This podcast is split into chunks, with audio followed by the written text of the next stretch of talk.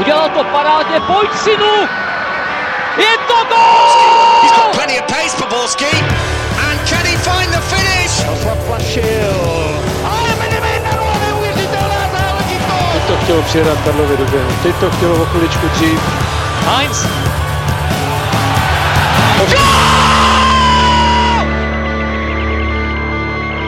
Dobrý den. Když české týmy čeká takzvaný anglický týden, je z toho často pozdvižení a létají vzduchem názory, zda to je či není náročné. My jsme si proto řekli, že zkusíme týden anglický i ve Fotbal Focus podcastu, tedy úterý, pátek, úterý. A uvidíme, zda na to budeme mít fyzičku. Vítejte u startu téhle divočiny. Chybět nemůže hodnocení prvního kola domácí soutěže, kde se hodně řešily penalty, týmy ze špičky nepřesvědčily a dále se řeší zajímavé přestupy. Podíváme se ale taky na blížící playoff Evropské ligy s dvojcí Plzeň Slávia. Na téhle parádě si dorazil pochutnat Anglii ošlehaný Karel Herring z magazínu Football Club. Ahoj. Ahoj. Barvy deníku Sport bude hájit známý anglický gentleman Pavel Janega. Ahoj. A o anglické snídani s klobáskami i fazolemi určitě sněl Pavel Jahoda z webu Sport.cz. Ahoj. A od mikrofonu zdraví milovník jednou šedesátinou rodák z nejmenší anglické vesnice Fordwich, kde žije přibližně 30 obyvatel, Ondřej Nováček. Tak a teď jdeme na to. Hned první kolo udělalo z rozdílu mezi první sláví a druhou Plzní, který činil 4 body a rozdíl 6 bodový. Zatímco Pražané doma zdolali Teplice 2-0, obhájci titulu pouze remizoval v Mladé Boleslavi 1-1. Slávia se každopádně na domácí výhru pořádně nadřela a rozhodla o něm až v samotném závěru. Pavle Janego, kdyby si měl říci, co bylo ve hře sešívaných špatně, že se nedokázali prosadit dřív, tak co by to bylo? Takže se nedokázali prosadit dřív, můžeme takovou tu jednoduchou větu říct, že neproměňovali šance, protože kdyby eh, proměnili ty šance, tak už by dávno vedli o dva, o tři góly a ten zápas by vypadal jinak. Na druhou stranu, když půjdeme eh, do detailu, tak ten zápas se dá rozebrat i tak, co Teplice udělali dobře, aby Slávy znemožnili hrát její fotbal. To bylo hlavně vyplňování těch eh, jejich křídelních prostorů, kde opravdu výkony jak beku, tak křídel šli dolů a změnilo se to teprve až po nástupu těch náhradníků Stocha Famburena, kdy ta hra e, Slávě do unavené teplické obrany se zvedla. Tím chci říct, že e, Slávia doplatila ne na ty neproměné šance, ale na to, jak byly Teplice skvěle takticky připravený e, trenérem Hejkalem. Myslíte, že pod trenérem Hejkalem e, půjdou Teplice nahoru? Kvalitativně? Já si myslím, pardon, já si myslím, že oni to vlastně naznačili i v závěru podzimu, ať už nejenom zápasem na Spartě, ale i tímto zápasem, protože eh, Pavel to zhrnul eh, velmi, eh, velmi přesně, ale znovu se ukázalo, že on ten tým umí připravit. Já musím říct, že když jsem sledoval Teplice v průběhu podzimu i na jaře, mě teda strašně nudili, jo, že to byl tým s nudným fotbalem, teď se na to dívá velmi dobře, nebo jako je to zajímavé, ty zápasy, ve kterých jsou a musím ocenit trenéra Hejkala i ještě z jedné věci, kromě té přípravy a tak dále. Eh, on, o něm je známo, že preferuje, nebo že má rád třiobráncový systém.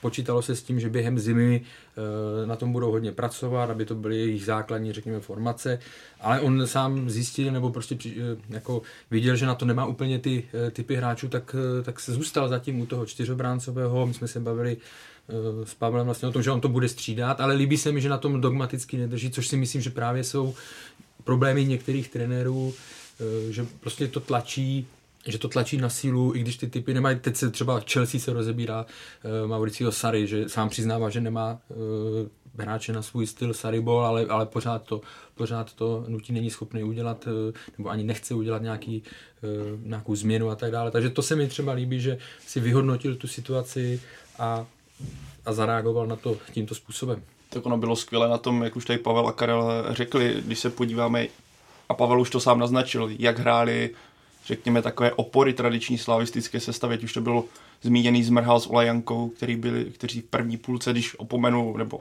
po celý ten zápas, když opomenu to Zmrhalovo břevno, tak byli víceméně neviditelní a dokonce bych je označil za koncové hráče, protože u nich většina akcí končila. To samé Hušbauer, který pro mě byl v tom zápase naprosto neviditelný. A i tra- sám trenér Trpišovský mluvil o tom, že i Tomáš Souček, který dal teda penaltu ala Tonda Panenka a všechny tím překvapil, tak to nebyl jeho zápas. A myslím, že tohle jde velkou měrou zahrou Teplic, které, které hráli skvěle pozičně, skvěle presovali a když vezmeme v potaz jenom to, že Teplicím v útoku hrál Schejbal, který na tu pozici úplně není zvyklý a chyběla jim ta útočná jednička, tak ten výkon kdy v druhé půlce asi snad uh, nespomenu na, nějako, na nějaké, zatímco v první půlce tam byly ty dvě břevna, tak v druhé půlce asi úplně nespomenu na nějakou vyloženou šanci až před, k tomu momentu, kdy byl zblokovaná střela Jeřábkem a pak penalta, tak předtím Slávě víceméně si nevytvořila žádnou tutovou příležitost. I díky, nebo především díky tomu, jak Teplice skvěle hráli a jak to drželi až po celé utkání. Bohužel pak přišlo pro Severočochy tenhle nešťastný moment, ke kterému se dostaneme, ale jinak za mě velká chvála na to, jak Teplice vstoupili do jarní části sezóny. Na druhou stranu chvála i pro Slavy, že to nakonec dokázalo zlomit. Podle mě je Stanislav Hejkal jedním z nejlepších analytiků u nás. Jako, že tím myslím, že dokáže fotbal číst jako nikdo. Opravdu to umí jenom pár lidí v té špičce českého fotbalu. A navíc eh, jeho tréninky eh, jsou tak kvalitní, že ty hráče nepřipraví jenom po taktické stránce, ale dokáže je i zlepšovat a uh, to je podle mě hrozně důležité, protože když se podíváte na sestavu Slávě, tak vlastně odešli dva klíčoví hráči, přišel Kuchta, který nemohl hrát proti Slávy a ten výkon byl, uh, jak už říkal Karel, v porovnání třeba s minulým jarem neporovnatelný. Mně se strašně líbilo, jak hrál třeba duo v tom zápase Lievakovič, Kučera, kteří na tom středu oběhali toho strašně moc a právě se jim dařilo eliminovat tu útočnou sílu Slávě. Na druhou stranu jsem četl, nebo poměrně si mě líbil Ševčík, který na to, že hrál první utkání, tak byl hodně vidět, byl v podstatě, jestli někdo z, té středové, z toho středového trio Slávě byl hodně vidět a tak to byl Ševčík, který mi přišel. Úvodu, tak, nebo... on se nabízel, v podstatě byl v té první půlce byl u všeho. Kdykoliv byla nějaká akce, tak to šlo právě přes něj. A jsem celkem zvědavý, jak si sednou Stok se Ševčíkem, když budou zároveň v sestavě, protože Pavel to říkal sám s příchodem Stocha, ta hra Slávě hodně ožila, ale on je takový, že chce být pořád na míči, že se pořád nabízí, stahuje se z toho křídla do středu hřiště, kde právě ale je teďka nyní Ševčík, který dokáže také oběhat spoustu prostoru. Já jsem strašně zvědavý, jak tihle dva si spolu sednou v téhle vlastnosti, kdy chtějí oba hodně míč, hodně běhají. Takže to je pro mě taková otázka do dalších kol a jsem na to skutečně zvědavý, jak to trenér Trpišovský nastaví, jestli to pokyny dokáže ukočírovat. Mimochodem rozhovor eh, s trenérem Hejkalem bude v novém vydání pořadu Football Extra ve čtvrtek na ČT Sport. Eh, pojďme se vrátit k té penaltě, která rozhodla utkání eh, po stažení Milana Škody ve Vápně a někteří fanoušci se na sociálních sítích zlobili, že byla přísná, řada z nich zase zastávala opačný názor. Tak to rozsuď, Pavle Jahodo, a řekni, zda přísná byla a neměl by přece jenom útočník takové zatažení za dres ustát?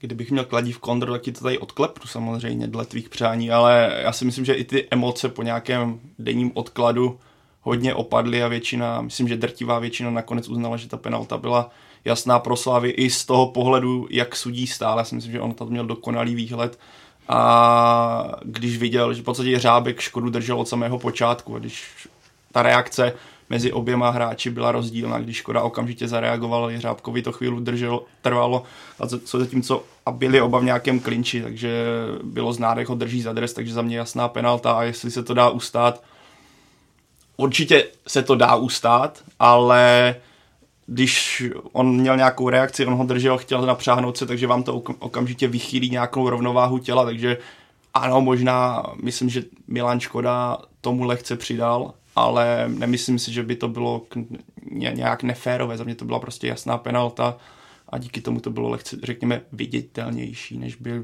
možná bylo jinak, kdyby nespadl. Já s tím souhlasím, jenom prostě tam to zatažení bylo evidentní a nevinil bych vůbec eh, Milana Škodu, že, že šel eh, jako k zemi. Už jsme se o tom bavili na podzim. Někdy ty hráči prostě s tím, jak vědí, že by to třeba ten sudí vůbec nepísknul, kdyby to, eh, kdyby to eh, ustál, jo, tak prostě půjde, eh, půjde k zemi. Obecně voláme potom, aby, aby ty, tady ty fauly, tady to sumo ve vápně, aby bylo trestáno, aby, aby ty útočníci nebyli takhle znevýhodněni, takže pro mě jenom za, znovu říkám, a to, co jsem vlastně i zmiňoval v průběhu víkendu během těch, během těch diskusí, je důležité, aby ty rozhodčí udrželi ten trend tu konzistentnost, aby to nebylo jenom, že někde jo, někde ne. Prostě jo, to je jediný. A bohužel u tady těch faulů to, eh, to takhle bývá, netýká se to jenom České ligy, že je to, eh, že je to posuzováno e, velmi rozdílně jednotlivými rozhodčími. Já možná řeknu kacířskou myšlenku, za kterou mě někteří odsoudí, ale já si myslím, že je vlastně dobře, nebo je to z pozice toho hráče samotného, je to správné, že nakonec, řekněme, spadne. Teď nemyslím teatrálnost, ale Luis Suarez, tehdy Barcelona PSG, kdy se tam svalil bez kontaktu, nebo když hráč eh, udělá tři kotouly, zvedá ruce a podobné věci. Ale když, jak tady říkal teďka Karel, no, ono někdy je to potřeba svým způsobem prodat tu penaltu, protože ne vždy to vidíte, i když s videem se to v současnosti mění, ale ty návyky tam nějaké jsou a já si úplně nemyslím, že je špatně, že i kdyby to nebylo tak silné stažení, že ten hráč nějakým způsobem spadne. Já si myslím, že teda někdo teďka bude oponovat, určitě, když to slyší a bude si říkat, tak takhle ne, Pavle, takhle ne. Ale já si myslím, že sám jsem to zažil na sobě, že když člověk ho, nebo když vás protihráč drží, nebo vás nějakým způsobem kopne, tak občas ho spadnete. Tak to je a nemyslím si, že se to změní a nemyslím si, že to je něco, co by se mělo úplně vymítit, i když možná někdo bude nesouhlasit. Ehm, abych se přiznal, já osobně jsem vůbec neřešil, jestli eh, Škoda měl nebo neměl spadnout. Já jsem řešil, jestli to fal byl nebo nebyl, eh, což je podle mě to nejdůležitější a za mě si myslím, že to rozhodčí vyhodnotil naprosto správně, že to fal byl, eh, penalta byla správná, tečka. Slávia každopádně vytvořila rekord ligy, že v posledních šesti zápasech kopala penaltu. Zdá se ti, Karle, že sudí Slávy připískávají nějak výrazně, a nebo ne? Vidíš tam nějakou změnu proti dřívějšku? Já bych na začátek použil tu variantu z AZ kvízu, že chcete odpovídat na tuto otázku? Ale ne, samozřejmě. Eh, takhle, protože jsem na, eh, na Twitteru něco napsal, eh, v, v neděli jsem se zeptal bez nějakých postranních těch, že mi přijde, že si někteří, někteří fanoušci Slávie stěžují vlastně na rozhodčí ve smyslu, že jiným, jakože je to mířeno na Plzeň, Spartě straní víc a myslím si, že v této fázi prostě si vůbec na nic stěžovat nemusí. Jo. Nemyslím, ale samozřejmě tím jsem ani vůbec neřekl, že, eh, že jim připískávají. Je, že se ty síly nějakým způsobem vyrovnaly, eh, v zákulisí to je, to je jasné podle mě, ale neříkal jsem tam někde, že, eh, že se někomu připískává. A nemyslím si to, nemám ten dojem, že by prostě z těch penalt, že by jich tam bylo, já nevím, polovina z nich, nebo, nebo tohle, že by byla eh, vymyšlených navíc, jak víme, že tak většina zápasů Slávě je eh, pod dohledem videorozočího, takže za mě, za mě jako tam nevidím až takový křiklavý nějaký trend. Jo, já znovu opakuju, já jsem se jenom tal, nebo mě zaráží jenom to, že někteří mají pořád jakoby tendenci uh, to vidět, uh, že, že jsou jiní protežovaní ještě víc než, uh, než Slávia tak ono to i vychází ze hry Slávě, podle mě, která je často je ve vápně. Pro, pro mě, a to je jedna věc taky, to je argument samozřejmě, který mi tam někteří, mě, mě zvonil telefon v neděli, to, pořád ty odpovědi, to tam lítalo, já jsem jel ve vlaku do, do Bratislavy, vedle mě seděla uh, maďarská rodina, oni furt koukali, že mi tam něco vybroje, já jsem mi neuměl maďarsky říct, že dostávám sodu, jo, takže, takže uh, ale to chci říct, že někteří argumentovali tím, že jsou tam často ve vápně, no samozřejmě, že tam jsou, ale taky si vzpomínáme, že když třeba uh, se takhle rozebírala hrála Plzeň, tak nikdo tady ty, nebo tak část z nich prostě ten argument neuznávala. To znamená, ano, ofenzivní týmy by měli, nebo logicky kopou větší počet pokutových kopů, protože jsou tam častěji, než, než ten, kdo se tam objeví čtyřikrát za zápas. Jak v tomhle světle vnímáte tu iniciativu Jaroslava Tvrdíka z pondělního večera, eh, který vybídl největší české kluby k tomu, aby se zasadili o mm, jakési mm, zřízení institutu, který by měl zavést video na eh, všechny ligové stadiony. Podle mě, podle mě je to naprosto správný a klíčový krok, protože pokud chceme mít video ve fotbale, tak na všech stadionech. Eh, na druhou stranu je potřeba si uvědomit, že když budou peníze, druhý den máme všude video, to tak není, protože ty lidi se musí proškolit a to právě dlouhé měsíce nějaký čas zabere. To je ten bod, který si musí uvědomit hlavně ty fanoušci, že ono, když se seženou, dneska seženeme peníze, my tady čtyři se složíme, eh, tak neplatí to, že zítra máme na všech stadionech video. Ty, ty lidi se musí opravdu, eh, ty rozhodčí proškolit eh, de facto vlastně všichni, co jsou na profesionální listině, jinak bez toho to nebude a hmm. to myslím si, že není možná ani reálný stihnout v, tom, v téhle ani sezóně. na začát, no v téhle sezóně Možná určitě ne a jsem zvědavý, jestli by se to stihlo na začátek té, té příští. Já musím říct, že když se vlastně zavedlo video u nás, a tak už se objevovaly tady ty názory, že je to neregulérní, když je na jednom zápase, pak to bylo na třech. Já jsem to tak v té době nevnímal, já jsem byl rád prostě, že aspoň někde.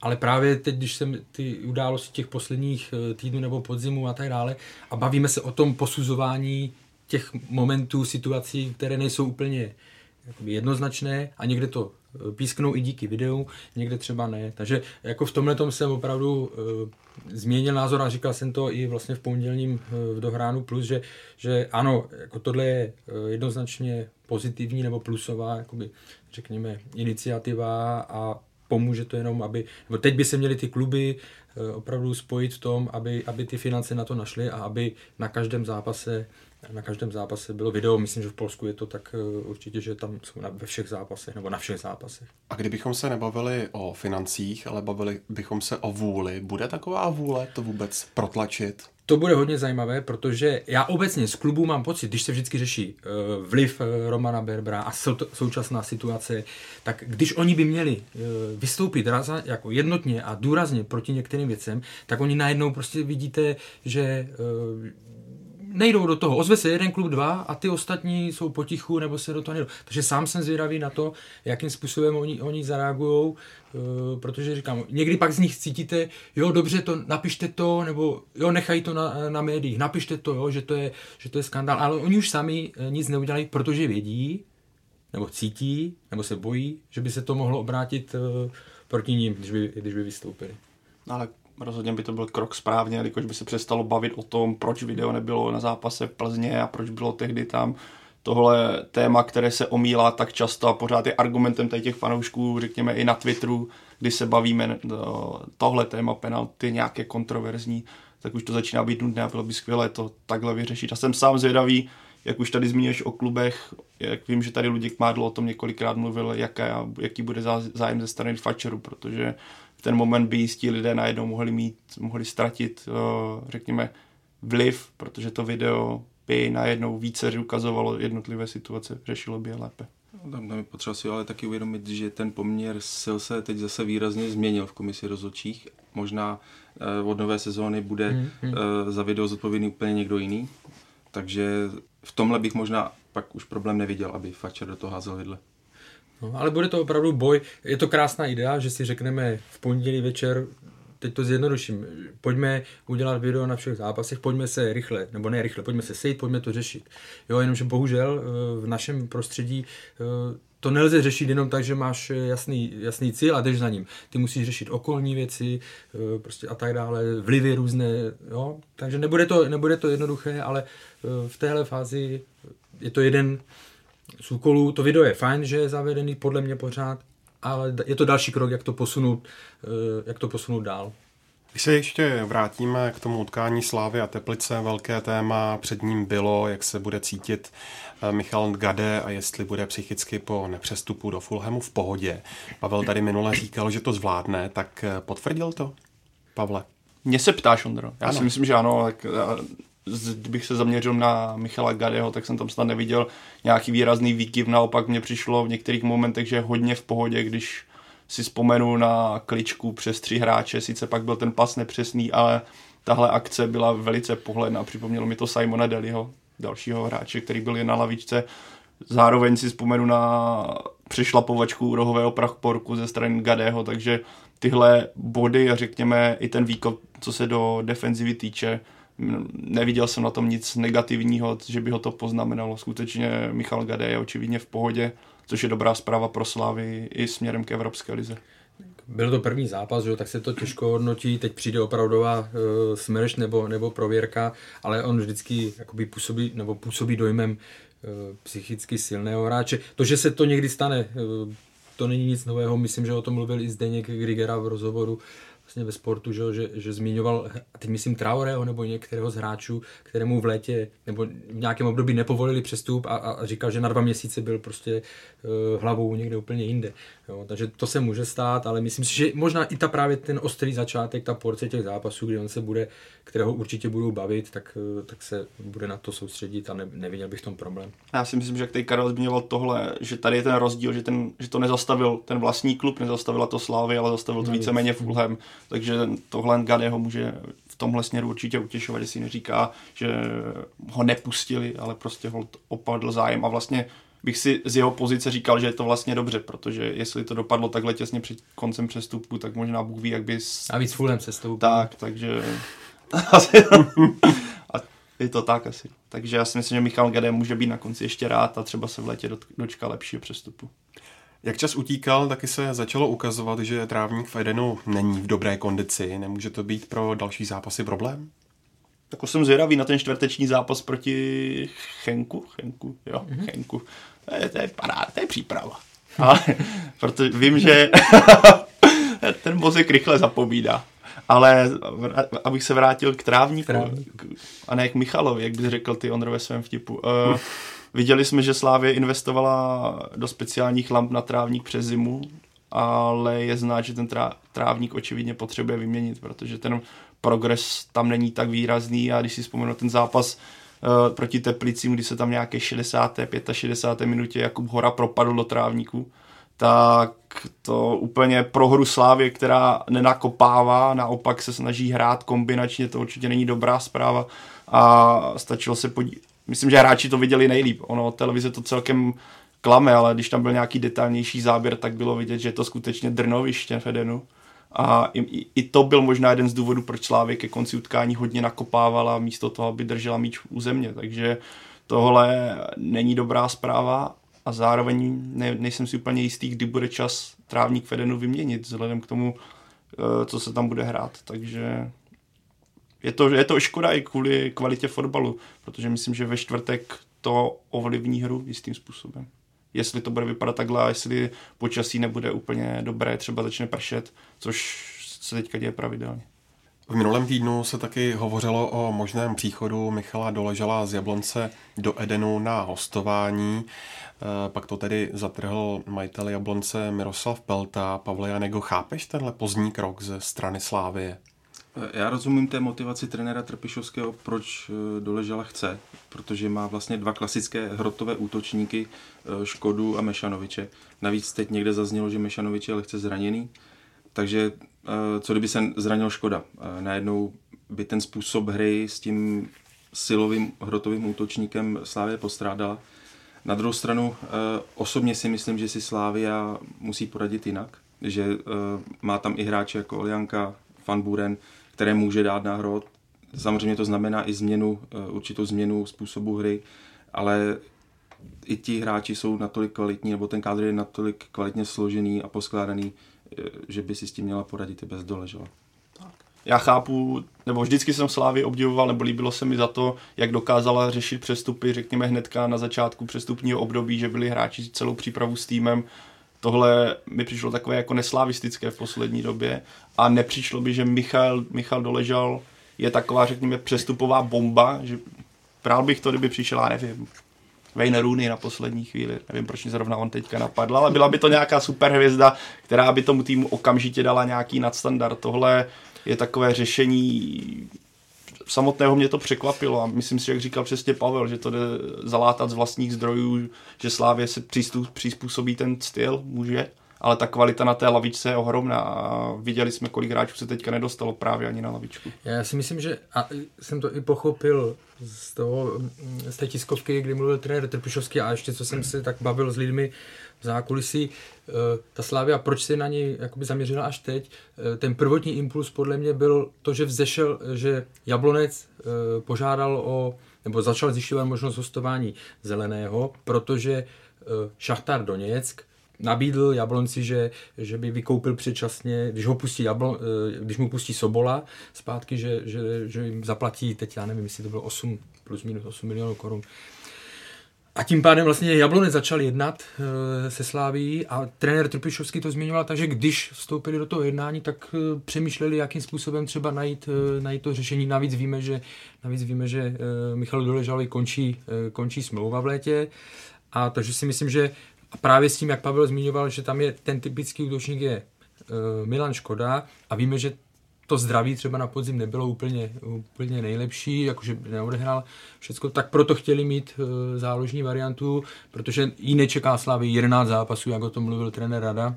Slavy čeká v Lize, e, v Lize e, 16, nebo teďka 16 nebo 15, opravte mě. No a samozřejmě minimálně dva, minimálně dva e, v tom já teď neumím počítat, dva, je 20, 16, Karle. 16, Ale to no. vlastně už jen 15, ne? Jsme si od prvního no. čkrtli. Ale jestli projde Slávy do finále Evropské ligy, tak to taky napočítá. No a teď mluvím o dvou, zatím postupně musíme dávat eh, Skromný. ty cíle nakládat.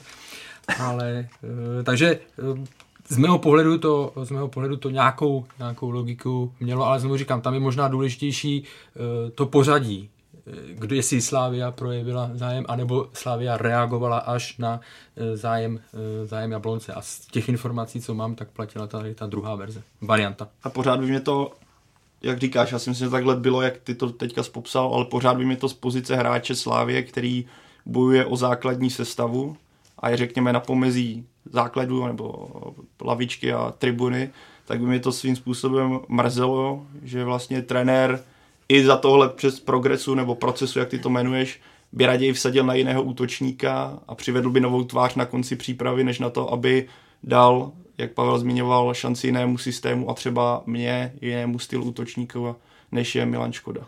To je boj. Jo, to je. A řekl bych takovou tu silnější pes. No. ne, ale tak když se podíváme, tam je seznam, včera byl, že, seznam šesti útočníků, ale Stan, Stanislav Tecel je zraněný, Jan Matoušek měl taky problémy, navíc víme, že to je jiný úplně typ hráče a, a možná půjde na hostování a najednou se ten počet uh, prostě klasických útočníků se vám smrskne. No. Na druhou stranu chápali jste to vyjádření kouče Rady, který hovořil o tom, že Slávia asi nemá dostatek útočníků? No tak on byl takový e, naštvaný, že však známe e, trenéra Radu, že když se rozpumpuje, tak srovná Slávy se Zlínem a, a, tak, a tak dále. Jo, když mluvil o tom, že by ho poslali jako reprezentanta na hostování do Zlína. No, jako samozřejmě si e, rýpnul, to je v pohodě, mě tady ty e, rýpance nebo tady tohle mi, mi nevadí, ale tak, jak jsem to teďka říkal, ono to není těch pět nebo šest útočníků, se to smrsklo trošku vinou zranění a tak dále, se to smrsklo. Díky Petru Radovi není nuda.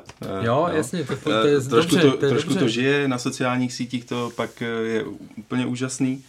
Já jsem ho na druhou stranu asi, když doležel teda nepůjde, tak já jsem potkal po zápase na letný, pozdravili jsme se, podali jsme si ruce, měl radost, byl vysmátej.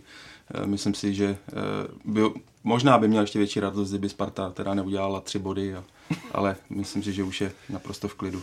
Ale byl by naprosto, nechci říct hotový nebo zoufalý, kdyby mu opravdu pan Pelta Martina Doležala prodal. To si myslím, že by už hodně, hodně špatně při těch odchodech, co byly při zranění Michala Trávníka, tak by to hodně těžko kousal. To, to sám říkal, že by udělal hmm. bouřku. No. Já jsem si vlastně teďka, Pavle, zase uvědomil, že ty jsi nám dal do fotbalových čítanek to, tu legendární hlášku, jen díky tobě to vlastně vzniklo. Žongli? žongli.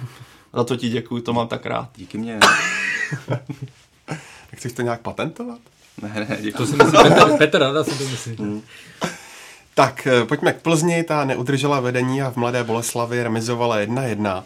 Pokud se, Pavle Jahodo, podíváš na ten průběh utkání, měla se Viktorka odvést z Boleslavy více než jeden bod?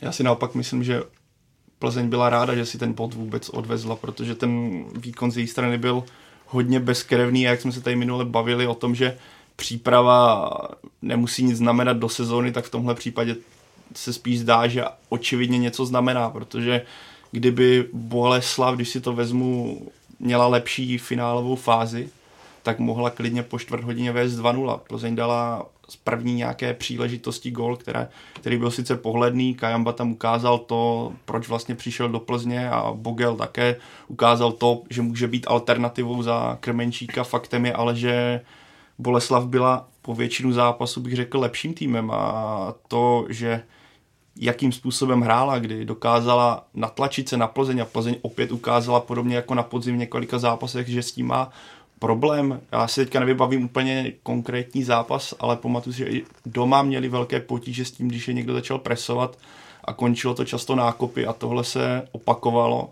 a Boleslavští byli všude dřív a myslím, že pokud bychom vzali tu jedenáctku Plzně, tak aby jsme řekli, jo, tenhle hrál svůj standard, tak můžeme se bavit nějak o Patriku Hrošovském, můžeme si říct o Joelu Kajambovi, který mimochodem byl teda asi jediný hráč Plzně, který dokázal nabídnout nějaký fotbalový nadstandard, myšleno kličku jeden na jednoho, ukázat nějakou kreativitu.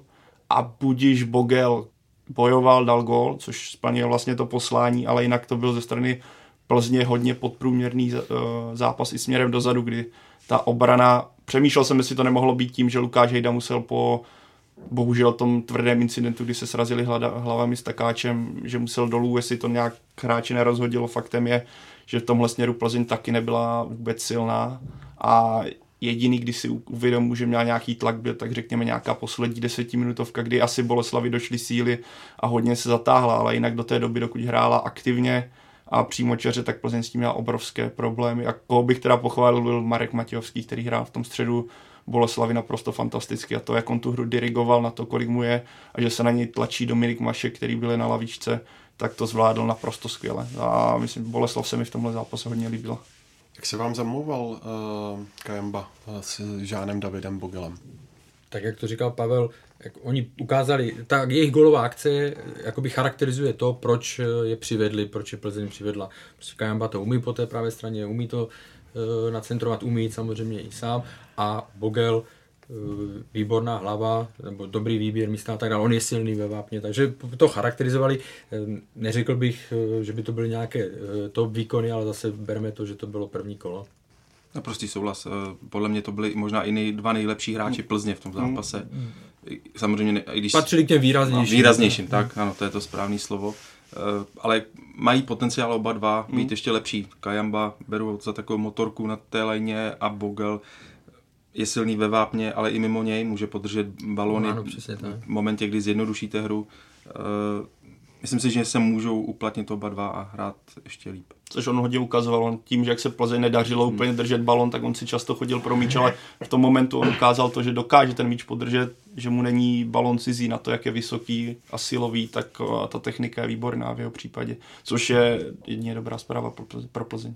Podíváme-li se na góly, tak má Plzeň v tabulce o 20 branek méně než Slávě a i na startu jara to z její strany v tomhle e, faktoru není ono. Pavle Janego, kde vidíš hlavní problém, který se Eh, moc nevede vyřešit. Já, já v tom rozdílu mezi Sláví a Plzní uh, vidím jednoduše v tom, že Slávě má ofenzivnější, přímočařejší tým. Uh, já jsem se podíval na čísla, protože si to nepamatuju, tak to tady mám napsaný. uh, že čistě za, čistě za podzim, uh, bez toho úvodního jara, měla Slávia 1338 pozičních útoků a jen o 20 víc než Plzeň. Uh, jenže zatímco Slávia šla do zakončení ve 179 případech, tak Plzeň je v mínusu v tomhle směru o 46 střel. Proti útoky, to byly, to byly poziční útoky, proti útoky Slávia o 22 střel víc, standardky Slávia o 27 střel víc. Z toho všeho mi vyplývá, že Slávia je přímo čeřejší a že, tu, že se nutí každou akci, každou útočnou akci zakončovat střelou což u Plzně mi mnohdy nepřijde, protože i ten subjektivní pocit uh, mám takový, že hraje mnohdy až profesorsky tak, tak, to je a snaží to, se něco vy, vy, hmm. vymýšlet, než aby tu situaci se snažila co nejdříve zakončit. To je, já jsem si to chtěl nechat na pátek, střelivo na pátek, ale na páteční podcast, ale... Počkej, to eh, ještě nevíš, jak to dopadne. Ale, no myslím, že bude se rozebírat asi i šláger, že jo. Ale tohle je přesně tak, když uvidíme slavistický útok, nebo celkově její pojetí, to je prostě agresivně, v rychlosti, všecko jakoby dopředu a snažit se zakončit. A, a, a ta Plzeň, ta hra je takových těch 80%, já vím, že to profesorsky zní strašně kliše, ale to je opravdu takový ten výkon, kdy věříte, že to tam jakoby zvládnete tou svojí kvalitou a tak dále. Někdy to vyjde, někdy to nevíde. Plzeň s plným nasazením jsme viděli v Lize mistrů a viděli jsme i výsledky podle toho. Jo? A v tomhle já vidím e, největší rozdíl. A těch 20 gólů, to je, já, když jsem si to včera uvědomil, to je strašné číslo, jako obrovský, obrovský rozdíl. No, na druhé straně Nikolaj Komličenko, ten si připsal už 19. zásah v sezóně. Myslíš, Pavle Jahodou, že překoná i rekord eh, Davida Lafaty v počtu ligových tref, kterých je tuším 25? 25. Uh, já jsem v tom zápase, nebo u Nikolaje Komličenka jsem asi viděl věc, kterou jsem v životě ve fotbale neviděl. která mi připomněla tenis, kdy se mělo, vlastně video se šlo podívat na, na nebo rozhodčí se šel podívat na video, jestli to byla ne, penalta nebo ne a Nikolaj Komličenko sebevědomě už si tam zkoušel balóny a asi tři odhodil a připomnělo mi to jako tenis, kdy si vybíráte míček, s kterým budete ser, uh, následně servírovat, tak v jeho případě to bylo výběr, s jakým míčem bude kopat penaltu a tohle jsem asi ve fotbale v životě neviděl a jenom to dokazuje, v jaké on je extrémní pohodě v současnosti. A i to, jak v tom zápase on hrál, skvělá práce s míčem, skvělá práce tělem, skvělý pohyb a právě z něj vyzařuje extrémně to sebevědomí a strašně by mě překvapilo, kdyby ten rekord nepřekonal i s příhledem na to, že těch zápasů, jak Karel tady zmiňoval, je víc.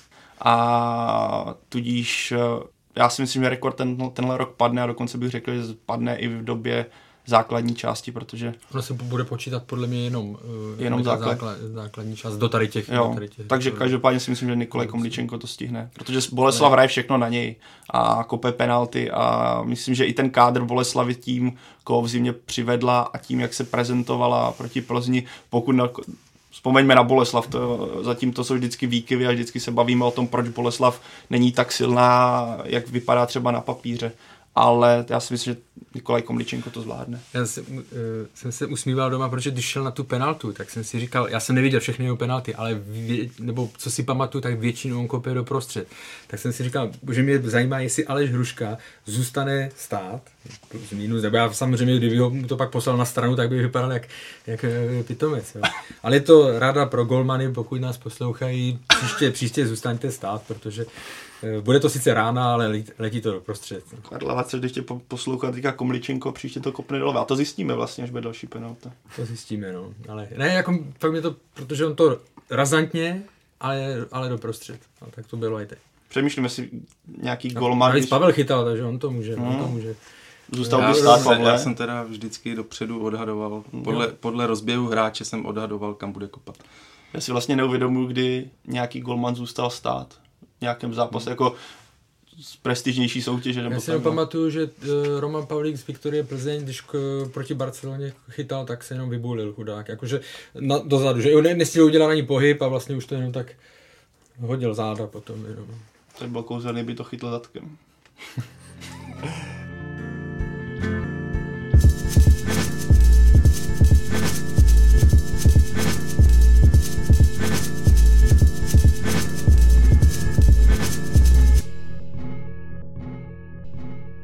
Slávia z Plzní na sebe narazí už v dalším ligovém kole a my se na utkání podíváme podrobněji v pátečním vydání Fotbal Focus podcastu. Nyní ale pojďme dál v lize, kde se děly věci i v boji o třetí místo. Stejně jako duel Boleslaví z Plzní skončil zápas Baníku Ostrava na půdě Dukly. Karle, co hostům chybělo, aby se jim povedlo zápas otočit? No, myslím si, že tam uh, pohořeli v souboji uh, s Filipem Radou, s Golmanem, protože na to, jak špatně Baník začal, tím myslím tu chybu uh, Patricia Stronatyho, tak vyrovnali poměrně, poměrně rychle a pak měli převahu a byly tam tři, čtyři momenty, kdy měli velké šance a jednu z nich, jednu z nich měli, měli proměnit. Takže tam si myslím, že opravdu hlavně, hlavně ta koncovka. No, takhle, na druhou stranu musím pochválit, nebo mně se líbila i relativně hra Dukly, která naznačila, že to jaro, nebo že určitě ke kandidát, hlavním kandidátům na sestup nebude patřit, pokud eh, se jí bude dařit. Zaujal mě posila Pablo González, který přišel někdy ze Španělska, ta technická fáze v jeho straně, i ta rychlost úplně nejsou typické v Česku. A kdo mě teda rovněž zaujala, jestli jste ho kluci už viděli, ten 18-letý Štěpán Kunert na středu hřiště se zřením ala Alex Král nebo David Luis, ale to, jak on hrál, řekněme, sebevědomě, poklidu dokázal vyhrávat souboje i rozdávat míče a dovolil si i na kličku proti baníku ve středu hřiště, který baník se snažil okamžitě napadat, tak musím uznat, že jsem na něho zvědavý a plánuju ho nějakým způsobem. No plánu to zní, kdybych ho měl skautovat, ale těším se na další zápasy, v kterých ho uvidím, jestli na to dokáže navázat, protože Dukla tam měla solidní náznaky nějakých kontrů a přihrávek za obranu, s kterými Baník měl relativně problémy, ale zase nechci říct, že Dukla byla lepší, jak říká Karel Baník, kdyby měl lepší zakončení, vzpomenu si na Milana Baroš nebo ta hmm. krásná střela snad Roberta Hrubého z 30 metrů, tak jsme se tady mohli bavit o tom, jak to Baník zvládl, ale Dukla podle mě předvedla solidní výkon. Něco na styl Teplic, které ale vydrželi, teda, které nevydrželi, Dukla vydržela i díky tomu, že nebyla penalta. Na druhé straně neukázal ten zápas, že ty posily baníku, které eh, ostravský klub eh, nezískal, mu budou chybět? Tak... Mm, nemyslím si, že by... Oni mají dobře, uh, už měli do, mají dobře poskládaný kádr, já si myslím, že tam byl problém jako na hrotu uh, mezi útočníky a, a ten tam si posílili, tam udělali Kuzmanoviče, takže jinak si, samozřejmě nemají pravého, nemají dobře pokrytou pravou stranu zálohy, tam za Martina Fila není, úplně klasická nějaká náhrada, museli by tam být po, uh, posuny, ale jinak si myslím, že Baník nepotřeboval v zimě nějakým způsobem výrazně uh, posilovat. Možná navázal bych na Karla, možná kdyby se podařilo koupit právě na tu pravou stranu, rozšířit trošku tu lavičku, protože ono není úplně, řekněme, extra kvalita na střídání, je tam kranečný na levou stranu, napravo přesně nikdo není, útok Šašinka, spoustu baníkovců nám, co jsem četl po posledním podcastu, vyčítalo, že tvrdíme, že baník je hodně závislý na Milanu Barošovi, já budu jenom rád, když se Šašinka nebo někdo podobný rozstřídí, protože ukáží, že naše tvrzení je špatné, ale pro mě nadále zůstává to, že tam nevidím úplně gólovou alternativu za Milana Baroše, nebo nevidím tam hráče, který by to měl sypat co obzápas, že by měl dávat gól, což jsme viděli už na podzim. Ano, Baník dělal body, ale že by to byla, že bych se tam mohl spolehnout na nějakého hráče, mi nepřijde.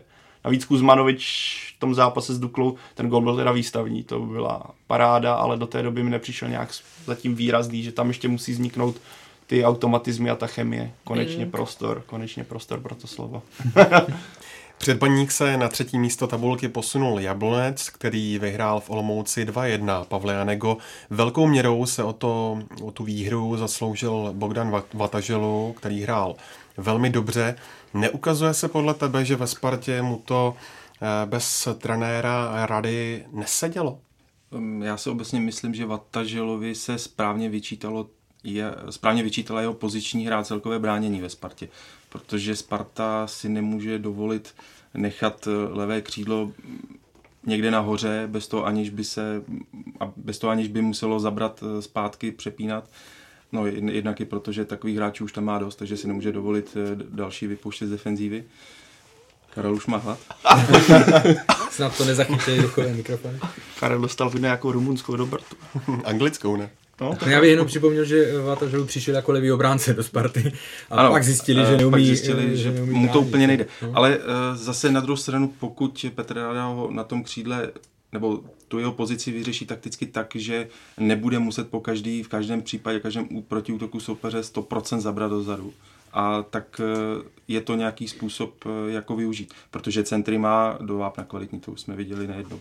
Tak ono v tom zápase s Olomoucí se mi strašně líbila práce Vatažila se Sobolem, který, já když si vzpomenu, jak on hrával Sobol ve Slávi, jak byl, řekněme, za očekáváním, úplně se nechytl, tak ten první zápas teďka toho dua na levé straně, kdy si řekněme Vataželu, vím, že Honza Vacek ho tady poslední bíle dost natřel, a Sobol, já jsem taky upřímně moc nevěřil, tak tohle, ta lajna byla hlavní zbraní Jablonce v tom zápase na Signě a ano, je to první utkání, pokud navíc Sobol, myslím, Karel to tady zmiňoval, že je možné, že se vrátí do Šachtaru, ale to nevím, jak nakonec dopadne. Faktem je, že byl to určitě pozitivní ná, náznak v tom smyslu, že Jablonec přišel o x hráčů, ale ta levá strana fungovala skvěle a i Kratochvíl ve středu hřiště ukázal, že Michala Trávníka na nějakou tu dobu může nahradit uh, solidně, protože byla tam ta vize, kam ty míče chce dávat, byly tam balony za, za obranu a Jablonci to v tomhle směru fungovalo obstojně na to, jak obrovské změny, nebo obrovské, jaké změny tam proběhly přes tu zimu.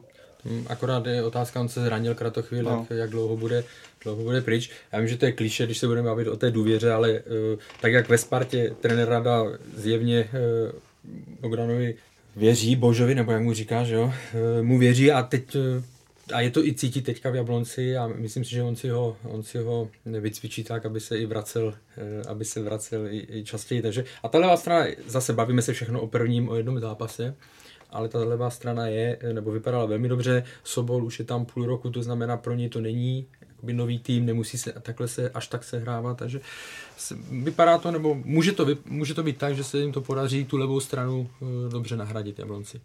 Na druhé straně z Olomouce zní podle deníku Sport hlasy, že by po eh, více než eh, třech letech mohl skončit kouč Václav Fílek. Eh, jak moc je to, Pavle Janego, reálné? Podle kolegy Michala Kvasnici bude záležet i na dalších výsledcích. Reálné, reálné nevím, to si musí vyhodnotit Sigma, ale za mě by to bylo asi unáhlené. Já si myslím, že Václav Fílek tam odvedl nějaký kus práce. Myslím si, že je schopný Sigmu i zvednout, ale k tomu taky potřebují větší kvalitu nejenom z základní sestavy, ale i právě na lavice, aby byla větší možnost nějaké rotace, pokud, někdo, pokud přijde u někoho výpadek formy. Eh, na druhou stranu eh, už dlouho se mluví i o tom, že ty vztahy v Olomouci nejsou úplně ideální a jestli tohle bude, nebo jestli i tohle promluví do té možného konce, možného Jilka konce, tak eh, to už nedokážu posoudit. Pro mě Sigma Olomouc má jeden dlouhodobý problém, nebudu, nechci říct, že to mají v DNA, ale oni jsou super, když se jim daří, ty hráči, to jsou techničtí hmm. hráči a tak dále. A ve, ve chvíli, kdy se dostanou do problému, tak oni se s tím neumí porvat. A vlastně v obou těch předchozích sestupech to vypadalo tak, že se říkalo, Sigma není, nemá tým na to, aby se stoupila, určitě se zachrání, ale prostě oni se s tím neporvali, ne, nedokázali to. Jo. Takže fotbalisti velmi dobří, ale nemají takovou tu, nemají tu rvavost prostě tady do těch bojů eh, o záchranu. Sigma si vyřešila přes zimu jedno palčivé téma, kdy přivedla Víta Beneše, který v tom prvním zápase ukázal, že by mohl být solidní posilou i tou hlavičkou, která teda musím klobouk dolů, jak tam skočil skoro z nulového úhlu, to, hmm. to teda nevím, jestli by se mi tam chtělo skákat. Ale... A konečně se uzdravil pilař. Tak, tak. A, takže to jsou, řekněme, dvě posily pro tým, ale přesně jak říkali kluci, z toho nejdou úplně zprávy, že tam je dobrá atmosféra. Navíc mi přijde, že se eh, koučí Ilkovi prostě ten tým nedaří nahodit, že tam není nějaký zápas, že bychom viděli, jo, to se chytlo. Pořád je to takové nemastné, neslané. Navykli jsme si, pamatuju si minulý rok, jsme tady si chválili do nebes, jak je tam skvělý pressing, mm. jak je ta hra rychlá, pohledná.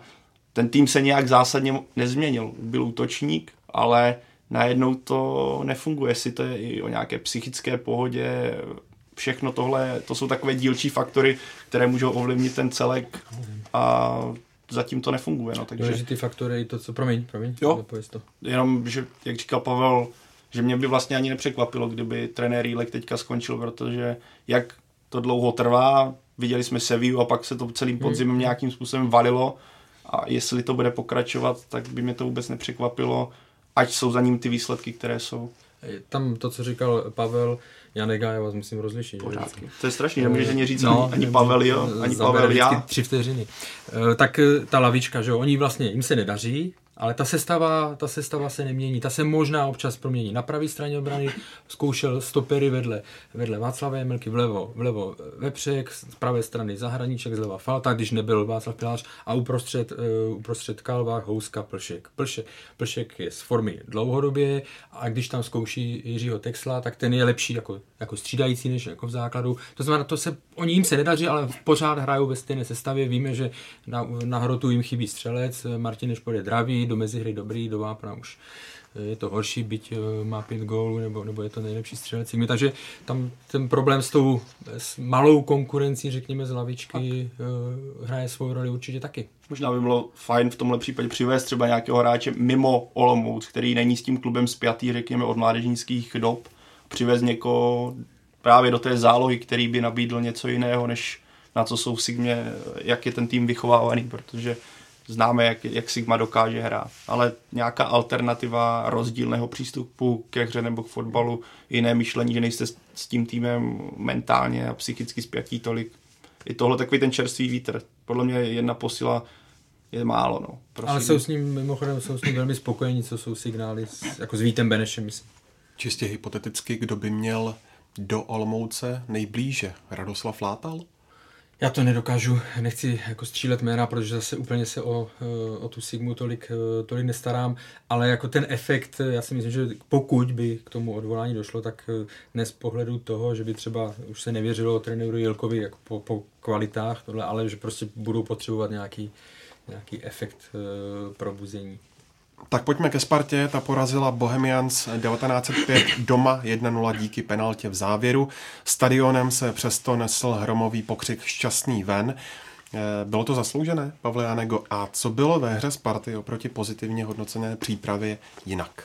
Tak fanoušek nezapomíná a ta frustrace neodezní, pokud se nic nezlepší k lepšímu. A ten zápas s Bohemkou vypadal tak, že se opravdu nic nezlepšilo. Znovu docházelo k situacím, kdy hráči špatně vyhodnotili situace, špatně četli hru, eh, zastavovali nebo zazdívali proti útoky. Na některých hráčích mi přišlo, že vlastně ani nevědí, jak s tím míčem mají hrát a tak hledali po každé kangu. A kanga není eh, ten typ toho hráče, na kterého, o kterého se můžete 90 minut opřít, dát mu míč a on zařídí tři goly. Byť samozřejmě byl to jediný hráč, který v první udělal půli. ty první hmm. půli, který udělal ty dvě gólovky pro Hloška a Tetea. Teďka navážu na Pavla, co nechápu naprosto v tom zápase vypískání Kangy. Já vím, že fanoušci ho nemají rádi, OK. Kdyby tam udělal nějaký, řekněme, kicks obrovský, OK. Ale v tomhle zápase jsem vlastně naprosto nepochopil, jak ho stadion může vypískat vzhledem k faktu, co říkal Pavel v prvním poločase. On byl jediný hráč, který něco udělal nějakou nádstavbu. Já mě to připomnělo dobu, kdy ve Spartě byl Tomáš Rosický, kdy to bylo takové, když nevíš s balonem, co, dej to Tomáši Rosickému, on zkusí něco vyřešit. Teďka, když to vezmu ten první půlku, Sparta se xkrát dostala k vápnu nebo k 16. Bohemian, co tam to skončilo. Tam začala házená s tím, že většinou ty balony skončily teda u Kangy, který ano, byly tam dvě gólovky po centru na Hloška, který trefil břevno, ale kdy propadl golman, to byla obrovská chyba brankáře ale vždycky to skončilo tímhle stylem a druhá půle po vystřídání Kangy, který tu druhou půlku už neměl dobrou, ale potom ze hřiště se vytratila jakákoliv idea, něco, něco překvapivého, třeba zkusit jeden na jednoho, mě, vůbec by mě nenapadá, jestli tam takový moment byl. A, no, Dominik Plechatis. Tak, tak, to je pravda. No, ten měl vždycky spoustu prostoru, ale protože další faktor, mě tam chyběl naprosto pohyb. Sparta byla strašně statická v tom útoku, zejména v druhé půlce, kdy Bohemka šla do hlubokého bloku a zahušťovala výborně střed a Sparta to nebyla naprosto schopná nějakým způsobem překonat. Mě, co se týká Kangy, já nejsem, nemůžu říct, že jsem nějaký jeho velký fanoušek nebo obdivovatel, ale z toho, co jsem se díval ze záznamu, tak, tak jak to padlo v první půli, jestli někdo něco vytvořil, tak to byl, tak to byl on. Samozřejmě je tam to jeho eh, nevracení a tak dále. Neříkám, že to byl nějaký špičkový výkon, ale to vypískání pro mě je to naprosto, já, já tomu nerozumím. Já vím, že on není oblíbený, já vím, že on je eh, individualista a tak dále, ale mě, co je pro mě velkým zklamáním, je, jak se změnila v posledních měsících eh, jakoby celkově atmosféra vůči zahraničním hráčům jo, v Česku.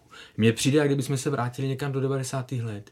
Tady vidíme názvy, že jim říkáme žoldáci, jo, protože že jsou takový a takový, jo, ten nepovedený, řekněme, ten nepovedený, nebudu říkat uh, experiment, ale ten krok uh, s těmi zahraničními hráči to strašně jakoby otočil v jejich neprospěch. Pro mě to, ne, nemluvím teď jenom o Spartě, pro mě je to jo, prostě, uh, tak samozřejmě naši hráči přece taky chodí do zahraničí nebo chodili v 90. letech, taky si tam chodívali vydělat peníze. A taky v těch 90. letech to třeba na začátku bylo pro ně složité, vykládal mi o tom Luděk Mikloško, když tam přišel, že, že prostě angličani na to nebyli zvyklí. A to se bavíme o roce 1990, 1992.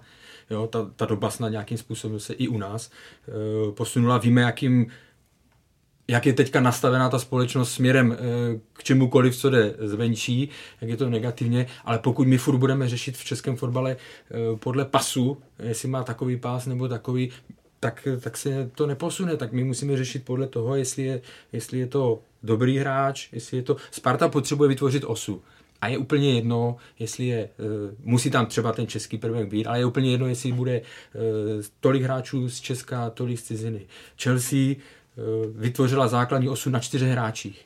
Čech, který Lampard, Drogba. Dva z nich angličani, dva z nich zahraniční hráči. Takže mě, myslím si, že prostě, nebo zaráží mě opravdu, jakým způsobem se ta atmosféra vůči, vůči zahraničním hráčům eh, změnila za poslední měsíce. Tak to slyšíš, ale že ti do toho Pavel teďka skočí. To máš i z těch vyjádření různých expertů, ale musíme být na cizince přísnější, hmm. protože ale proč bychom neměli být na Čechy, kteří přijdou do toho klubu stejně přísní? Proč já bych měl být tolerantnější k českému hráči a plácnu. Ze, ze Zlína přijde hráč do Sparty, proč já bych měl být tolerantnější k výkonu hráči ze Zlína, Čechovi, který je ve Spartě a být kritičtější kvůli hráči z Konga, který přijde do Sparty a měl bych říct, hele, ten Konžan musí hrát okamžitě jako bůh, jinak tady nemá co dělat.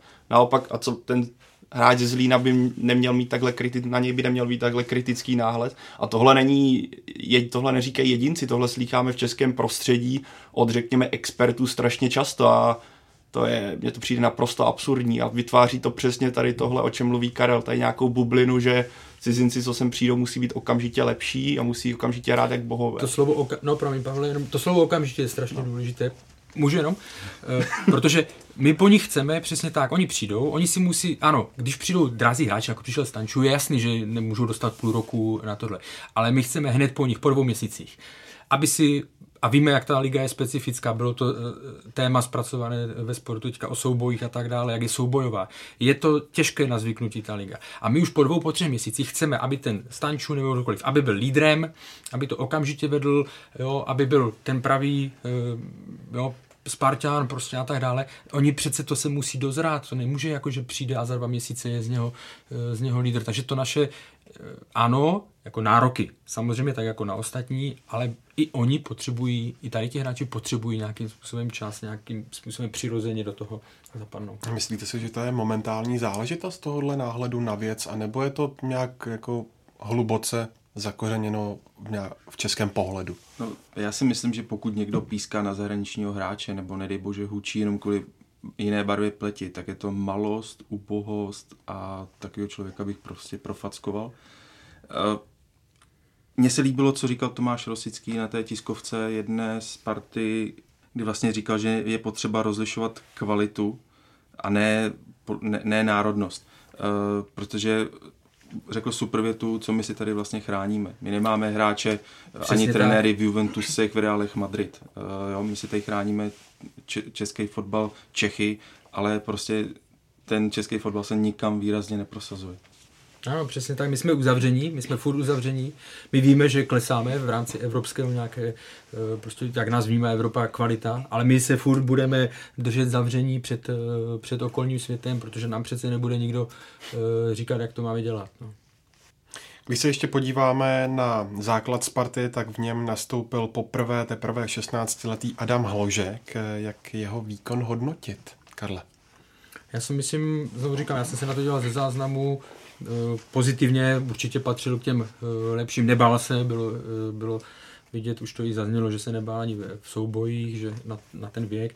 A ten, ale tam já jenom doufám z pohledu jeho, že to Sparta bude dobře, dobře dávkovat to jeho postupné zařazení, protože ty mladí hráči mnohem víc rostou a rychleji rostou, když zapadnou do fungujícího týmu, kde to funguje, kde je prostě hierarchie a on se k tomu může, on se k tomu může připojit. Eh, já jsem zase v televizi jsem zmiňoval Václav Černý v Ajaxu, jak byl postupně, eh, mu to bylo eh, zvyšováno, ta role, myslím, před tím, před tím zraněním. Jo. Takže doufám, že v tomhle budou opatrní, protože to tělo přeci jenom zase na některé věci, na tu vysokou zátěž není. A i po psychické stránce, když ten klub bude hrát, Spartě se nebude dařit, tak se mu nebude asi hrát úplně nejlíp, když bude stadionem burácet eh, šťastný ven a bude se pískat. Takže jde opravdu o to, aby ti ostatní okolo něj, aby mu vytvořili takovou takovou pozici, takovou situaci, kde on se bude moct eh, velmi plynule zlepšovat, protože talent je to obrovský já když tady teďka se řekl o fungující, tak jsem si uvědomil jednu věc, uh, co se týče, ještě vrátím se ke Kangovi, která jsem ho potom, jak jsme mluvili o posledním podcastu, jsme se bavili o tom, jak on bude fungovat na pozici desítky, tak jsem celkem ho sledovala. Jedna věc mě strašně zaujala, kdy prvotně na, na startu prvního i druhého poločasu bylo znát, že má pokyny, zůstávej vepředu, nechoď si pro balony dozadu, jsou tam na to jiní hráči. Trvalo to takových 10 minut, kdy on si všiml toho, že ta obrana je opět pomalá v rozehrávce, že záložníci, ať už to byl Friedek nebo uh, Sáček, nerozehrávají dle jeho stylu nebo dle jeho přání a on nedostává tolik balónů. A tak po deseti minutách začal se Kanga přibližovat ke stoperům, přičemž v jeden moment dokonce desítka, řekněme, té terminologii, tedy hráč, který by měl být poblíž Benjamina Tataha, byl najednou mezi dvěma stopery a rozehrával balóny a vypadalo to spíš ke konci poločasu, že Michal Sáček je pozice desítky a Gelor Kanga je na, na rozehrávce. Takže on zase krásně to bylo vidět, podle mě v kabině v tomhle směru proběhlo něco výrazného, protože start druhé půlky byl Kanga opět zase vepředu a je vidět, že na tomhle bude muset trenérský štáb ještě hodně zapracovat a protože je to špatně, zároveň je vidět, že ta rozehrávka je prostě ze strany Sparty pořád bídná a Kangovi se to strašně nelíbilo. A ne, pro mě nepochopitelně to zkoušel hasit takhle, no a nefungovalo to úplně. Stejně jako v případě Slávie se musím zeptat i na Spartu a e, penaltu. E, z ní vlastně z dorážky rozhodl Martin Friedek o výhře Sparty 1-0. Tak Karle, byla nařízená správně. A druhá věc, neměla kopat e, v první půli pokutový kop i Bohemians? Karle zase rozhodčí na tebe, co? No co už. No, zatažení tam bylo, že to bylo nesmyslné, už se mluvilo, mluvilo hodně o tom, protože ten balon eh, atakoval třetí řadu pomalu, tak eh, jo, z tohoto pohledu zase se nedá, eh, jako ono nebylo nějak, nebylo podle mě tak výrazné jako, jako v zápase Slávia, Slávě s Teplicema, ale zatažení tam bylo, video, ale co já si myslím, že se měla kopat určitě penalta pro Bohemians, protože do, do toho závěšky vletěl, eh, vletěl tam se vůbec, balon byl, on si ho přece před, předkopl, tím nemyslím, že už ho neměl pod kontrolou, protože on si ho normálně předkopl, on by normálně mohl zakončovat, to nebylo, že by šel dozadu. Takže podle mě, ještě navíc, nejvíc to ukázal ten závěr spoza branky, podle mě eh, se měla pískat penalta. Já, Ale pro mě já... ještě jedna věc. To jsou zase ty zákroky, kde když se zeptáte x rozhodčích, tak vám eh, dva řeknou tohle, dva řeknou, že 50, že by si obhájil oboje, jeden řekne, že by to pískal, jeden řekne, že by to nepískal. Přesně tak a to je, důle, to je důležitý poznatek. I když, I když voláme off record rozhodčím, aby nám řekli svůj názor, tak pět vám řekne něco no. jiného než dalších pět. Eh, je v tom velký rozpor a, a ty pravidla bohužel tohle dovolují si to vykládat různými způsoby. Já s tebou, Karle, souhlasím, že to bylo. A já teda má, myslím, že má vysvětlení, proč to nebyla penalta toho, co se týče Bohemky. A ta idea teda vyšlo z, to, z Twitteru, kde lidi na to reagovali, že to nebylo ve vápně, že tam bylo takových 20 cm, kdy ten faul proběhl, že on dopadl strašně hluboko do vápna a video rozhodčí nehodnotí fauly standardky před Ale vápnem. Video tohle řešilo a údajně zahlásilo do vysílačky, že to faul nebyl. Tak to potom, jestli to je takhle, tak naprosto nechápu, co viděli, protože to byl pro mě jasný faul, kdy Kipču vůbec nechtěl hrát balón. Vůbec. Ten do něho naběhl. No, zase na druhou stranu, abych se balónem nezaobíral, ta druhá penalta. taky to, to, jo, ale jako, že on, že víš co, že to, nebylo, že to nebylo, jako, že by se křížili u balónu. To ale bylo tělo na tělo tak, jako u balónu. To, prostě on do něho naběhl a zbořil. strany přijel vlák a, a narazil do závěru. Takže jako jestli, jestli je to, jak ty říkáš, což mě teda samotného překvapuje, že to řešili, protože mi to přišlo chápal jsem vysvětlení, že je to mimo vápno, že řekli, OK, je to faul, ale nemůžeme to komentovat, nebo nemůžeme říct sudímu pískní standardku. Ale pokud je to takhle, tak to naprosto nechápu, protože pro mě je to byl prostě faul, jasný faul dokonce bych řekl. Zdeněk Šťastný poutkání prohlásil, nemáme v kádru hráče, který by to vzal na sebe. Pavle Janego, může to být eh, narážka i na Bořka Dočkala, který by podle deníku Sport mohl nastoupit už eh, za dva týdny v utkání proti Baníku Ostrava? Já si myslím, že nepochybně, že Zdeněk Šťastný si přeje Bořka Dočkala, chce ho za každou cenu. Už samozřejmě by ho měl eh, několik týdnů naspátek už podepsaného, ale i bez Božka Dočkala ten manšaft musí být psychicky připravený na to, aby to na sebe v úzovkách někdo bral. A Sparta na to měla celou zimu, aby tohle, eh, tohle napravila což se, což se nestalo a je to důležitá věc, která prostě jde za trenérem a jeden hráč, jeden příchod jednoho hráče tohle nezlepší.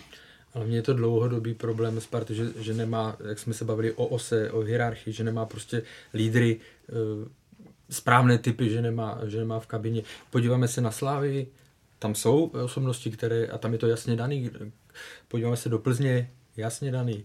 I v baníku to mají, že mají osobnosti. A u, u Sparty i to, že vlastně s tím kapitánem, eh, to je takové úsměv, tam vlastně nevědí, eh, komu to dát, že? nebo aspoň na mě to dělá takový dojem. Já vím, že oni to vysvětlovali, ale na mě to dělá takový dojem. Já tam prostě není, jako že byste řekli, hledej, hledej lídra, no tak já tam jich moc nevidím. Pro mě bylo úsměvné, že vlastně do toho seznamu se dostal Bořek Dočkal, který asi Sparta počítala, že ho získá, ale kdyby jenom to, že nebyli, nebyli přesně tak. Tenisová že, Ivo Kaderka by určitě tě pochválil za to. Ale radši, radši faktem je, že to jsem taky přemýšlím, jestli, jsme, jestli jsem u Komličenka neviděl, nebo nikdy se neviděl, že si vybírá eh, penaltový exekutor míč, tak jsem nikdy asi neviděl, aby tým vybral kapitána, který je v čínském klubu nebo v jakémkoliv jiném klubu. To jsou takové jako české anomálie, koukám. Vratislav Lokvenc, někdejší velká hvězda Sparty, v jednom z rozhovorů před pár týdny prohlásil, že není příznivcem toho, aby se do Sparty vracel hráč, který z ní jednou odešel. Že to podle něj nedělá úplně dobrotu. Jaký je váš názor? Já bych to rozdělil obecně návraty hráčů, kteří byli v cizině a, a, a zpátky. Sparta se tím jednu dobu se toho držela a nebylo to, nebylo to nějakým způsobem efektivní, nemělo to přínos, protože ty hráči už nikdy nenavázali na tu formu, nebo většina z nich, se kterou odcházeli, tím, jak se neprosadili v zahraničí, nehráli a tak dále. Takže u toho Božka dočkala já naprosto chápu, a už to tady zaznělo ty důvody, proč by ho chtěli. Důležitý je, že on chce. Já když jsem četl vlastně v našem fotbal klubu, když byl rozhovor od uh, Onci Kaliby s ním, tak uh, až mě, ne že zarazilo, ale překvapilo jako v pozitivním, jakým způsobem on o té Spartě pořád uh, přemýšlí, jak uh, sám sobě něco vyčítal z minulosti, co se nepovedlo a tak dále. Takže jako v případě té Sparty to, uh, to chápu. No Pavle, Nebo dočkala v případě Božka dočkala. Ty to budeš vědět, na jakou pozici s ním počítají. Víš? Tak tam je uh, samozřejmě víc variant. Tam Bořek dočkal může hrát uh, zprava, kdy si takhle uh, pod Vítězslavem Lavičkou hrál, s tím, že si hodně zbíhá do středu, ale v tu chvíli Sparta podle mě potřebuje kvalitnějšího pravého beka, než je se současnou formou tam byl Ondřej Pavel Kadeřábek, což bylo no, něco úplně jiného. To bylo něco jiného. A nebo prostě půjde do středu a pak by mě zajímalo teda, jestli vypadne ze sestavy Michal Sáček. Jiné posty asi nejsou. Hmm.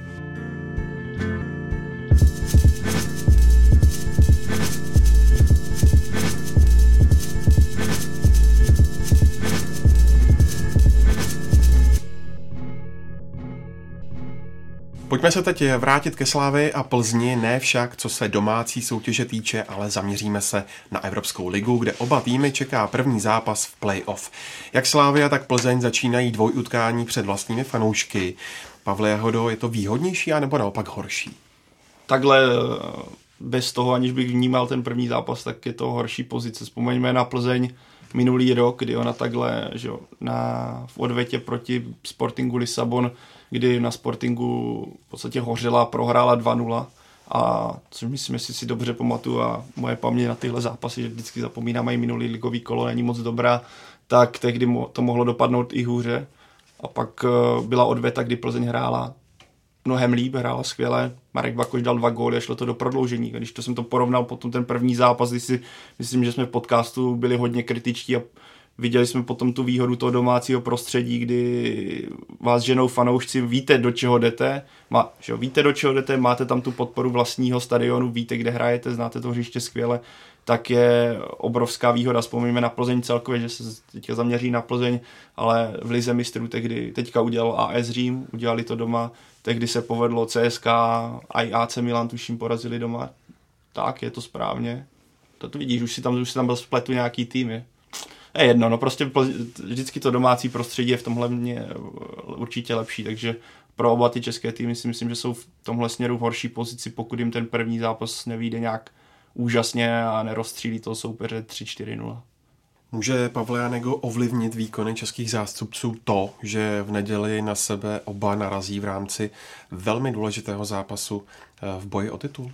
Záleží, jak které utkání bude fyzicky náročné, eh, kdo vynaloží kolik sil, jestli třeba nedojde i k nějaké rotaci, ale jinak si myslím, že ty týmy se budou soustředit 100% na obě utkání, že vlastně tam nevěřím tomu, že by si řekli, eh, tenhle zápas nebo tenhle vypustíme, protože ten druhý je důležitější. A za mě, myslím si, aspoň si myslím a věřím tomu, že jak trenér Vrba, tak trenér Trpišovský dávají stejnou váhu oběma zápasům. Já se na to hlavně strašně těším, jo, protože to bude prostě tak, jak to známe, anglický týden a tak, jak to známe, prostě jeden důležitý zápas za druhým, to prostě krásně ukáže i ty eh, kapacitu nebo kvalitu těch jednotlivých hráčů týmu. Fakt se na to těším. Když se podíváte na ty sestavy z utkání s Teplicemi, respektive Mladou Boleslaví, jak moc výrazně se podle vás promění? Hmm, v tuhle chvíli bych ještě neřekl, že by nějak hned v tom dalším eh, zápase hmm. nějak výrazně Napadá mě jenom Slávě, že ti do toho skáču, jak jestli bude hrát stoch teďka od tak, základu nebo ne mm, tak, a z, jestli třeba neposílí nějak střed, třeba řekněme Traorem, který má nějaké defenzivnější schopnosti, lepší. Tohle je pro mě, to jsou jako, a tohle jsou skutečně dílčí změny, eh, jinak eh, že bychom asi čekali řez na čtvrteční zápas, že Slávě nebo Plzeň dělá tři změny, to, to si nemyslím. Já si myslím, že to možná bude jediná změna, která, mm. kterou Slávě udělá, že začne z toho od začátku. A Plzeň, u Plzeň je otázka, jak na tom bude Lukáš Hejda, ten asi hrát nebude, třeba se dá určitě alternovat na nějakém křídle, ale jinak ta sestava si myslím, že hmm. není kde moc měnit. Není kde. Zaměříme se nyní na soupeře Slávie, lídra belgické ligy Henk, kde jsou Karle jeho silné stránky. Samozřejmě eh, člověk nevidí moc zápasu nebo tohle, takže jsem skontaktoval moji belgickou spojku, aby mi poslala pár informací, takže nebudu říkat, že eh, jsem to věděl že kdybyste se mě na to ptali před týdnem, takže bych to věděl, ale ne, z toho, co mi poslal, co mi popsal, tak jsem tam našel spoustu jako prvků, které se, jsou podobné Slávy. Je to fyzicky velmi dobře připravený tým, schopný hrát 90 minut ve vysokém tempu, eh, psychicky taky odolní, daří se jim, byť tam eh, mají i mladší hráči, tak jsou vyspělí, eh, psychicky hrajou velmi atraktivně od vlastně příchodu uh, trenéra Filipa Kleman, eh, tak eh, nevím, jak se to přesně skloňuje. No, já, jsem, já ho budu opisovat. Jo, Ale byl nějak, mimochodem protože... bod, kterého se Karel bál toho jména, to no, musíme no. sdělit. Proto. Ten trenér, ten trenér jednak má velmi dobré, jednak má velmi dobré výsledky, už měl předtím, když přicházel z Beverenu, a e, začal hrát e, atraktivní fotbal. Průměrná návštěva třeba se zvedla z 13 tisíc e, na 17 tisíc, takže ty lidi to, lidi to baví a hlavně mají výsledky. Že? Belgickou ligu vedou, vedou o 11 bodů, vyhráli svoji skupinu Evropské ligy, takže tam je to velmi, je to velmi silný, velmi silný tým. Ráno ještě, když se nad tím přemýšlel, tak jsem si dělal srandu, že opravdu to vidím na pověstných 50 na 50, jo, to nemám byť to nemám rád, ale opravdu je to eh, opravdu bych to srovnal s tou Sláví, že je to tým, který, i trenér, který má jasnou vizi, jaký hrát fotbal, dokáže to do hráčů dostat a ty hráči to předvádí a, a hrajou, dávají hodně gólů, tak bych to zhrnul. Ještě bych vypíchl útočníka Samatu, který dal 28 gólů v soutěžních zápasech v téhle sezóně, 19 v lize. Mně přijde obrovská síla. A ještě uh, levé křídlo Trosár, který má bilanci 17 plus 8. A, takže na tyhle dva hráče si musí dát Slávě velký pozor. Koukám, tady srovnáváme v poznámkách, že jsme si oba hráče tady poznamenali. Můžu což... to jenom potvrdit z těch, zdro, z těch informací, které jsem dostal a Pavel vybral správné hráče. Ještě tam Alejandro Pocujel, myslím, a u něj se právě ale řeší to, že to měl nějakou eh, měl nabídku, zatím to neto, tak jestli bude správně nastavený jestli bude ale správně nastavený v hlavě. Na to jsem, Karle, nad tím jsem taky přemýšlel, ale každopádně pokud on bude dobře nastavený, tak je to zase jeden z hráčů, na které potřeba si dát strašnou, strašný obacha, protože on má... Klíčový, to, to K za jeho jménem znamená klíčový, to v mých poznámkách. protože v belgické lize není lepšího nahravače než je on a i v evropské lize on v tomhle směru je, patří mezi podstatě nejlepší a upřímně na tenhle zápas já se strašně těším, protože jak už tady Karel i Pavel mluvili, ty týmy mají systém, hrají, hlavně oba se snaží hrát ofenzivní fotbal a ani jeden z nich, jak už tady zazdělo tež, není v extrémní favorit. Ty procenta se pohybují nějaký 50, 55, asi každá strana řekne něco, ale skutečně by mělo jít o vyrovnaný zápas dvou ofenzivních týmů, což by mohla být krásná podívaná. Doufejme teda, že s českým uh, dobrým koncem, ale takhle objektivně by to mohl být skvělý zápas. A Karla, teda ještě porovnáme zápisky. Zapsal jsem si ještě Ruslana Malinovského, který má rovněž v belgické lize. Ten střed je právě, ten střed zálohy je hodně silný. Mám tady napsáno motor záložní řady.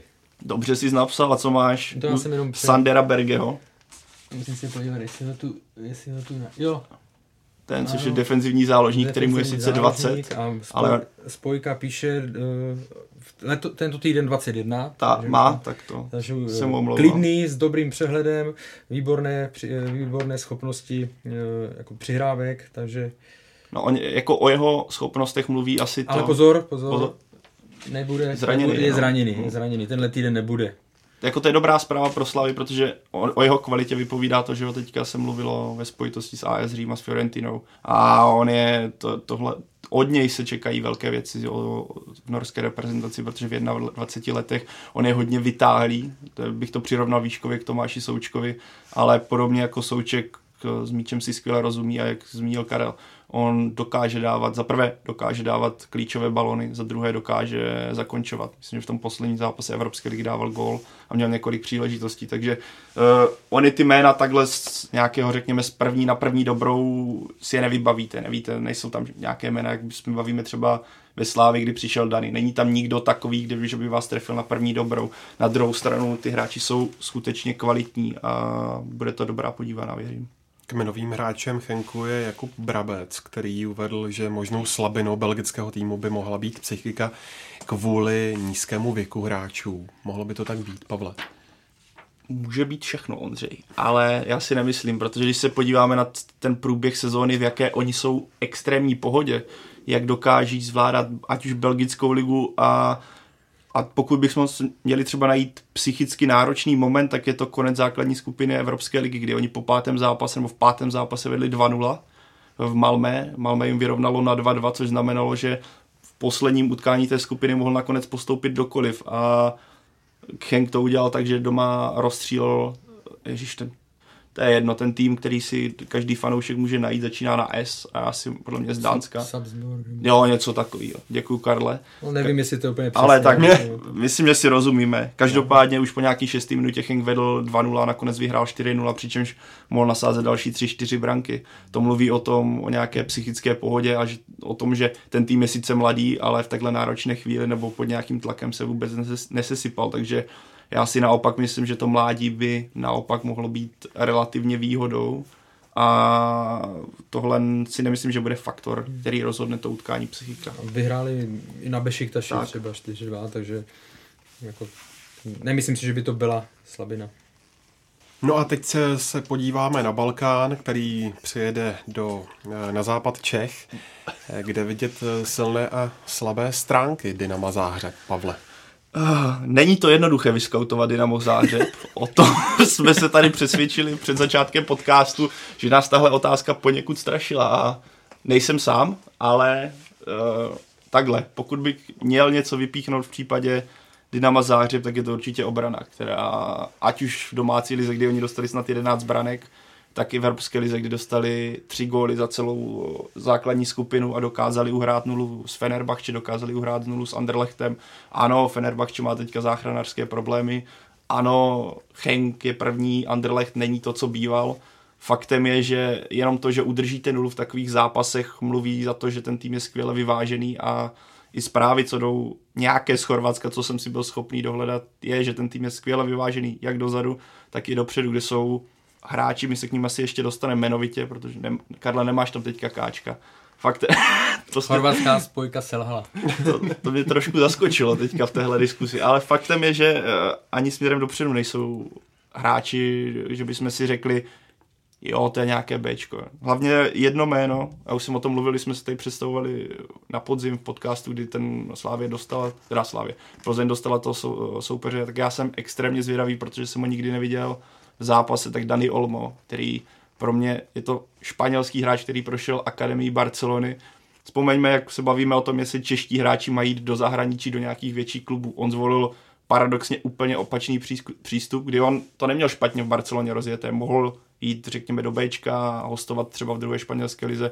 On ale řekl, hele, já chci hrát, odešel do chorvatské ligy a ve svých 20 letech se stal nejlepším hráčem chorvatské ligy a on je obrovský talent, kolem kterého obrovský, je velký talent, kolem kterého už začínají teďka kroužit daleko větší jména, daleko větší kluby a on je v podstatě klíčovou tváří a je vlastně hráčem, na kterém stojí záloha uh, Dynama Záhřeb. A na tohle jsem strašně zvědavý, jak on bude hrát, protože chorvatskou ligu přeci jenom není tak jednoduché sledovat.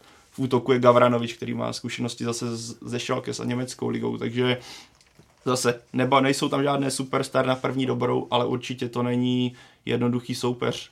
Bude to zase, jestli se bavíme o Slávy a Chenku jako o extrémně ofenzivních týmech, které, které by mohly nabídnout přestřelku, tak tady v tomhle případě by to mohla být zase velká taktická bitva mezi Plzní, která má velkou dávku zkušeností. Záhřeb postoupil do vyřazovací části Evropské ligy snad vůbec poprvé a Záhřebem, který má fantasticky propracovanou ofenzivu, plus má ten nadstandard směrem dopředu. Už jsme si tak trochu zvykli, že Plzeň v lize a Plzeň v pohárech je e, tak trochu jiná, přepne na jiný mód. Bude tomu tak i tentokrát, Karle? Myslím si, že přepne, respektive pokud chce uspět, tak, eh, tak by měla, měla přepnout. A viděli jsme to už zase eh, minulý rok na jaře, nejdřív Partizan, potom Sporting. Taky to byly úplně jiné výkony, než které v té době pak předváděla, předváděla v Lize. Jak moc eh, velkou roli v tom budou hrát eh, zkušenosti Plzně z Ligy mistrů a Evropské ligy? Tak já si myslím, že to bylo znát i třeba v zápase CSK, o čem jsme se tady bavili, kdy CSK s těmi evropskými poháry takové zkušenosti nemělo a tehdy si nechalo podle mě utíct postup do Evropské ligy právě díky tomu, kdy doma z Plzní hrálo zbytečně otevřeně a nech, hmm. dopad, nech, dokonce prohrálo, kdy jim stačilo úplně k jistotě postupu vlastně uhrát remízu. A tohle na straně plzeňského týmu si myslím, že jestli vypíchnout nějakou skutečně výhodu, kterou Plzeň má, tak je to právě zkušenost, kterou i proti AS Řím ukázalo. Takže má, Plzeň má, měla po celý ten podzim, nebo měla takovou ten Jekyll Hyde Liga, Liga mistrů, kdy to byl úplně jiný tým, který se dokázal kousnout na 100-120% a já věřím, že ve čtvrtek opět uvidíme trochu jinou Plzeň než v tom prvním kole, kdy jsme ji teďka kritizovali, že skoro neuhrneme, nebo že ta remíza skoro nebyla ani zasloužená, tak věřím, že Plzeň ve čtvrtek, i doufám v to teda v rámci koeficientu, že tak ve čtvrtek uvidíme Plzeň, která bude třeba připomínat zápas AS Řím nebo ten na CSK Moskva. U Slávě šel Karel uh, s Chenkem na 50 na 50, tak jak vidíte šance Plzně s Dynamem. Já bych lehce favorizoval Dynamo. Já teda lehce naopak, trošku lehce bych favorizoval Plzeň, myslím si, že to je to spíš pocit, nebo tohle, nebo mě vystrašily ty informace, které mi poslal e, kamarád z Belgie, ale myslím si, že e, tak obecně, když e, ty, porovnám ty, ty úrovně, že si e, vychází mi to, že e, Slávia může čelit silnějšímu týmu než, než Plzeň. A já budu takový ten neutrální a řeknu, že to pro mě tak pade, pade Každopádně v tomhle směru je to celkem unikátní, kdy obě ty osmi finále, nebo to vlastně není ani osmi finále, to první kolo z českého pohledu je tak vyrovnané, nebo ty šance, o kterých se tady bavíme, jsou tak vyrovnané, že nejsme schopni ani jeden tým nějak jako výrazněji preferovat, nebo neřekneme, jo, to je favorit. Což je vlastně pro atraktivitu, co se koukání týče, dobrou zprávu. No a utkání Viktorky s Dynamem můžete sledovat živě ve čtvrtek od 20 hodin a 35 minut na ČT Sport a webu čtsport.cz. Tak jo, tak to je z dnešního Fotbal Focus podcastu všechno. Pavle Janego, Pavle Jahodo a Karle Heringu, moc krát díky za vaše postřeji a účast. Díky, taky Ahoj. díky. Děkuji, Mondro. A díky taky vám, posluchačům, za přízeň. Na další díl nemusíte čekat dlouho, už v pátek zhodnotíme první zápasy Evropské ligy, ligy mistrů a podíváme se taky na nedělní šlágr Plzně se sláví. Pokud máte chuť si pustit další díly, jděte na web fotbalfocus.cz a nebo využijte podcastové aplikace na vašich mobilech. A jako obvykle jsme taky na Soundcloudu, v iTunes, Spotify a YouTube a taky na Instagramu a to pod hlavičkou Fotbal Focus Podcast. Mějte se hezky.